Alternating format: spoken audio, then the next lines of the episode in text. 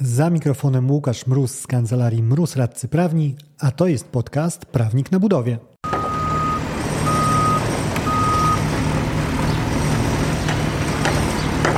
Wymóg bezusterkowego odbioru robót. Temat, który wydaje mi się do bólu oklepany, ale mimo to wciąż podgrzewa emocje branży budowlanej. Pomimo konsekwentnego podejścia sądów do niedopuszczalności bezusterkowości, nadal niczym nadzwyczajnym nie jest trafienie w umowie na roboty budowlane na to rozwiązanie. W tym odcinku zebrałem podsumowanie najważniejszych informacji, które możesz wykorzystać, kwestionując wymóg bezusterkowości. Namiary na wszystkie wyroki, na które się powołuję, dostępne są na stronie prawniknabudowie.com. Za mikrofonem Łukasz Mróz z kancelarii Mróz Radcy Prawni, a to jest podcast Prawnik na budowie.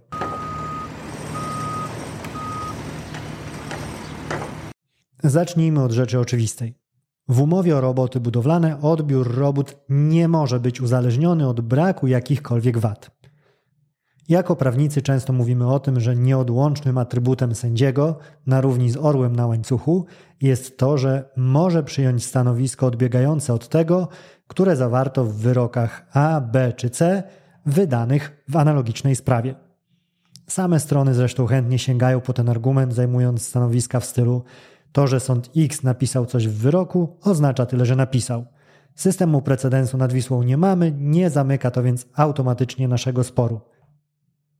Jednak wątek bezusterkowości nie wpisuje się w ten scenariusz. Wpisuje się za to w coś, co jako prawnicy nazywamy ugruntowaną linią orzeczniczą. Oznacza to tyle, że co do tego problemu, Ameryka została już przed sądy odkryta i żaden z nich nie ma ambicji wchodzić w buty Kolumba. Przyznam się, że ten trzon materiału, który właśnie słuchasz, przygotowałem w okolicach 2017 roku. Stwierdziłem wtedy, że pozbieram wyroki różnych sądów, żeby mieć argument ilościowy w wykazywaniu, że tej bezusterkowości naprawdę, naprawdę, naprawdę nie można wpisywać w kontrakcie. Gromadzenie amunicji znudziło mi się po 27 sygnaturach. Pod jednym z materiałów, w których poruszałem ten problem, ktoś był uprzejmy zwrócić się o wskazanie podstawy prawnej mojego stanowiska ponieważ to, że jakiś gość na Facebooku tak napisał, nic nie znaczy. I rzeczywiście nie znaczy. Dlatego rzućmy okiem na to, co na ten temat piszą sądy.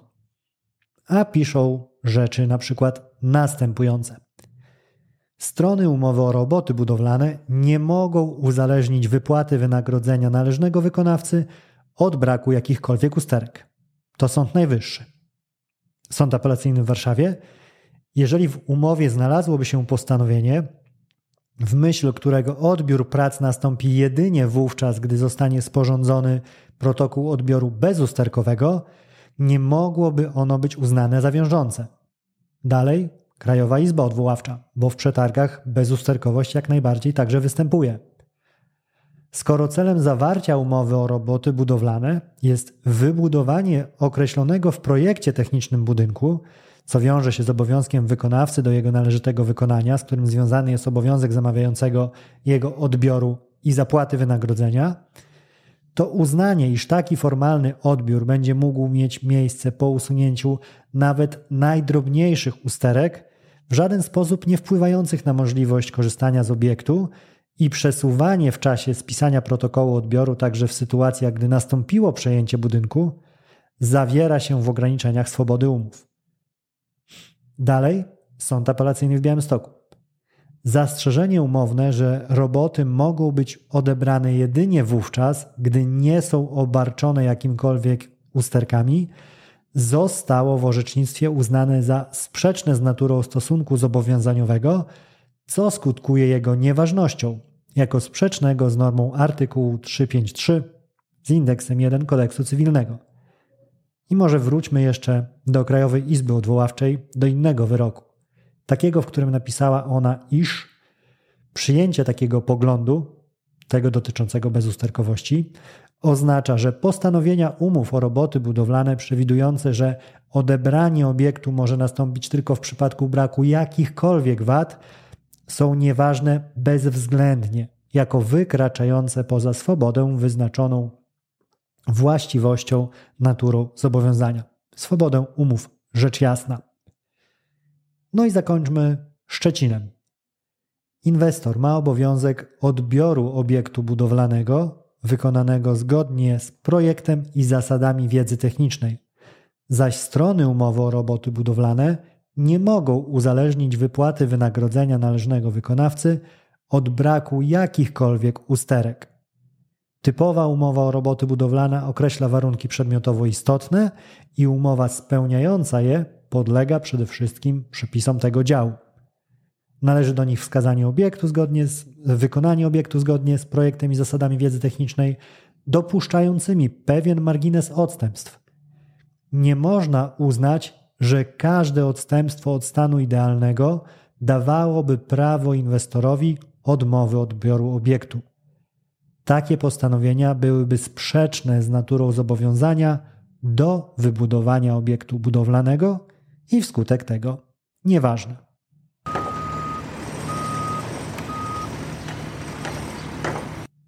Podejście sądów wynika z racjonalnej obserwacji budowlanej rzeczywistości.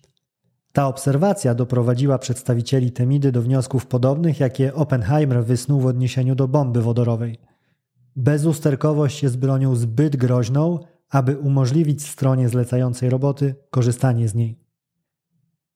I teraz kilka zdań wyjaśnienia, znów prosto z wyroków, które wskazują, dlaczego sądy opierają się tej bezusterkowości. Przyjęcie, że odmowę odbioru uzasadnia każde odstępstwo od stanu idealnego, byłoby sprzeczne z naturą zobowiązania objętego umową o roboty budowlane i naruszałoby równowagę między stronami, pozostawiając wykonawcę w niepewności co do uzyskania wynagrodzenia za zrealizowane roboty. Kolejny cytat.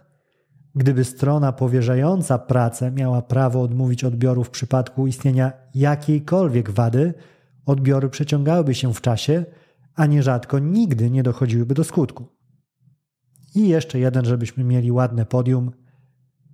Taka sytuacja wystawiałaby także wykonawcę na naliczanie kary umownej za niedotrzymanie terminu realizacji umowy, warunkowanej przedstawieniem robót do odbioru w stanie idealnym, co w praktyce jest trudne do realizacji. Z tych powodów sądy stwierdziły, że konieczne jest wypracowanie kompromisu między interesami inwestora i wykonawcy. I linię demarkacyjną wykreśliły na funkcjonalnej ocenie inwestycji, a ujmując prawniczo na wadach istotnych. Równie ugruntowana jak myśl o zakazie bezusterkowości jest sądowa teza o tym, że odmowa odbioru jest uzasadniona nie w przypadku każdej wady, a jedynie przy tych o charakterze istotnym. Jest kilka ujęć tej kategorii. Mam zaplanowane też nagranie odrębnego odcinka dotyczącego kwestii tej właśnie. Dziś zostańmy przy tym najbardziej chwytliwym i powszechnie stosowanym, czyli wskazaniu, że wada istotna jest to wada, która sprawia, że efekt prac jest niezdatny do umówionego użytku lub wyraźnie sprzeciwia się umowie.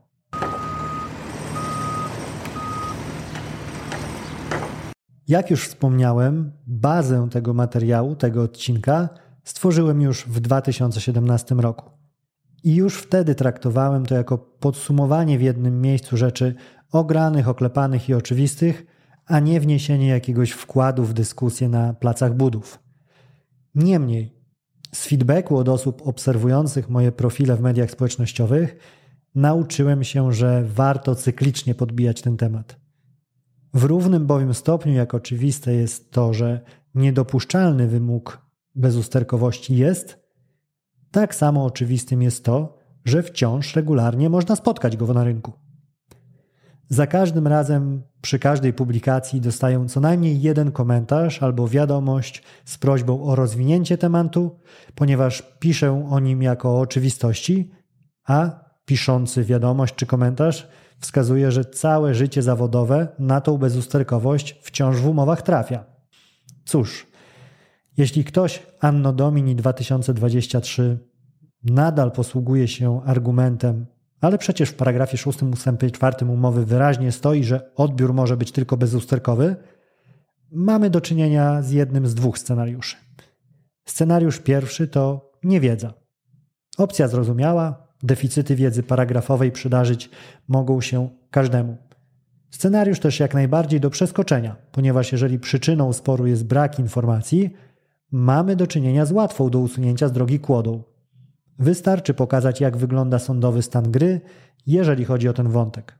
Chociażby kopiując fragmenty tego, fragmenty, które cytuję, które dostępne są na stronie prawnik na budowie.com. Na zdrowie. W ramach tego scenariusza można też wyróżnić popularny podtyp.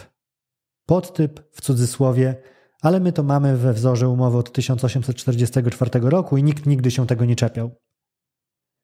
Przy sztywnym podejściu osoby, która wygłasza ten komentarz, może się jednak okazać, że jest to coś, co wpisuje się w scenariusz numer dwa. A ten scenariusz numer dwa to próba nadania nie mamy pana płaszcza pozorów merytorycznej dyskusji.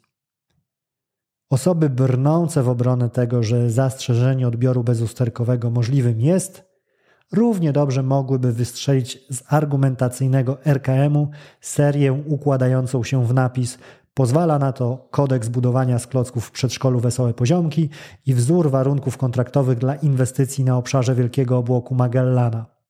Skuteczność byłaby tożsama, a przynajmniej rozmowy nabrałyby intrygującego kolorytu.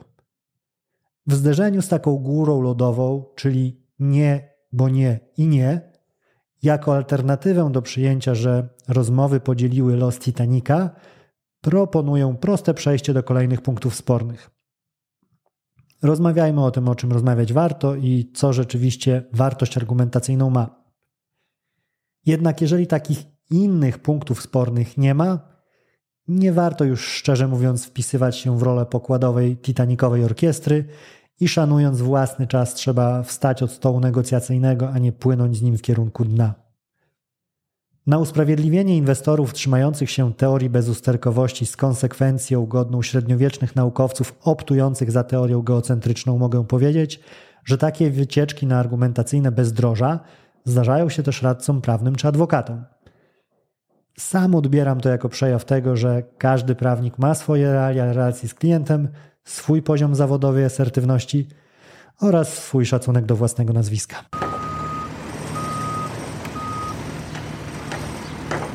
Z wyroków, które cytowałem w części dotyczącej nieważności tych bezusterkowych postanowień, płynie jasny wniosek.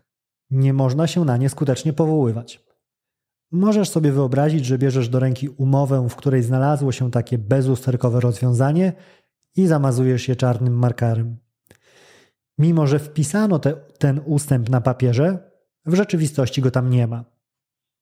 W takim układzie wykonawcy powinni bez obaw podpisywać umowy z bezusterkowymi odbiorami, prawda? W końcu i tak ten wymóg nie będzie ich wiązał. A same negocjacje usunięcia tego elementu z kontraktu często idą po grudzie. Skoro to walka z umownymi wiatrakami, to czy nie lepiej skierować kopię na inne cele, które też są problematyczne, ale sądy nie przyjęły ich nieważności? Nie. W teorii takie podejście jest słuszne.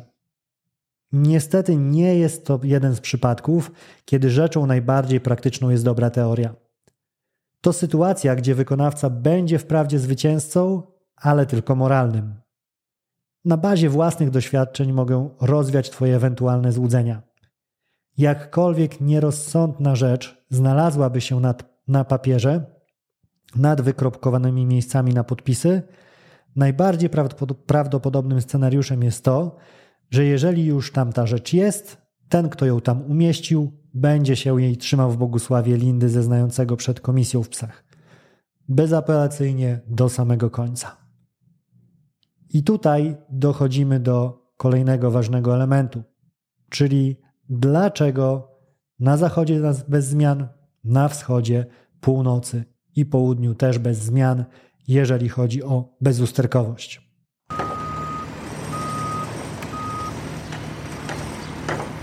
O wymogu bezusterkowości pisałem w 2017, mówię w 2023 i jeżeli wciąż będę na tej samej ścieżce zawodowej, w 2029 też będę mógł odświeżyć ten temat.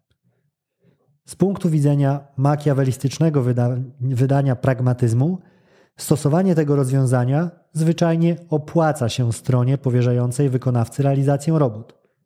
Nie ma bowiem lepszego bata zapewniającego inwestorowi oczekiwany przez niego efekt robót niż zablokowanie wynagrodzenia wykonawcy do czasu usunięcia wszystkich zastrzeżeń, które mniej czy bardziej zasadnie inwestor zgłasza w toku odbioru. Jeżeli chodzi o odbiór na linii generalny wykonawca, podwykonawca i perspektywę generalnych wykonawców, można dorzucić do tego bolączki takie jak takie same zasady mamy w umowie z inwestorem, czy chcemy mieć pewność, że nie władujemy się w odebranie robót podwykonawcy, żeby dowiedzieć się później, że inwestor widzi ich prawidłowość inaczej. Wykonawca natomiast nie ma zbyt wielkiego pola manewru. Pola manewru, żeby z podrzeczonego bata uciec. W momencie, kiedy aktualna staje się dyskusja o odmowie odbioru przez wady nieistotne, wykonawca zostawił już za sobą lewary, których mógłby użyć do podważenia pozycji inwestora. Argumenty wykonawca ma bowiem na etapie realizacji. Wtedy ma jeszcze moc sprawczą w zakresie najważniejszego interesu inwestora uzyskania efektu robót. O ile w toku realizacji wykonawca może usztywnić się co do odmowy robót dodatkowych, czy nawet rozwiązania ostatecznego, czyli odstąpienia od umowy, o tyle, kiedy zabrał się już z placu budowy i czeka na podpis na protokole odbioru końcowego, to nawet nie tyle, że ma słabe karty, ale wręcz siedzi przy stole z pustymi rękami. Nie ma nawet możliwości odmowy usuwania VAT do czasu zapłaty wynagrodzenia, ponieważ roszczenia inwestora o usunięcie VAT oraz wykonawcy o zapłatę są zupełnie niezależne od siebie. A że wykonawca ma rację i bezusterkowość jest nieważna? Owszem, ma. Jednak usłyszy potwierdzenie tego najwcześniej za kilkanaście miesięcy, a bardziej realistycznie za kilka lat. Tyle bowiem zajmuje sądom wydanie wyroku, w którym słusznie powtarzają argumenty przytaczane w tych wyrokach, które cytowałem w odcinku. Oczywista jest więc ocena tego, czy wybrać drogę ugnę kolano, usunę wady, odblokuję płatność w 2-3 tygodnie, czy też utrzymam czoło wysoko, wady i tak będę musiał usuwać, a sąd potwierdzi mi w przyszłości w może już zbędnym wyroku, że tą bezusterkowość to można było sobie wsadzić w wykop. A w związku z tym oczywiste jest też to, że bezusterkowość w budownictwie pozostanie, niezależnie od jej prawniczej nieważności. Dzięki za odsłuchanie tego odcinka.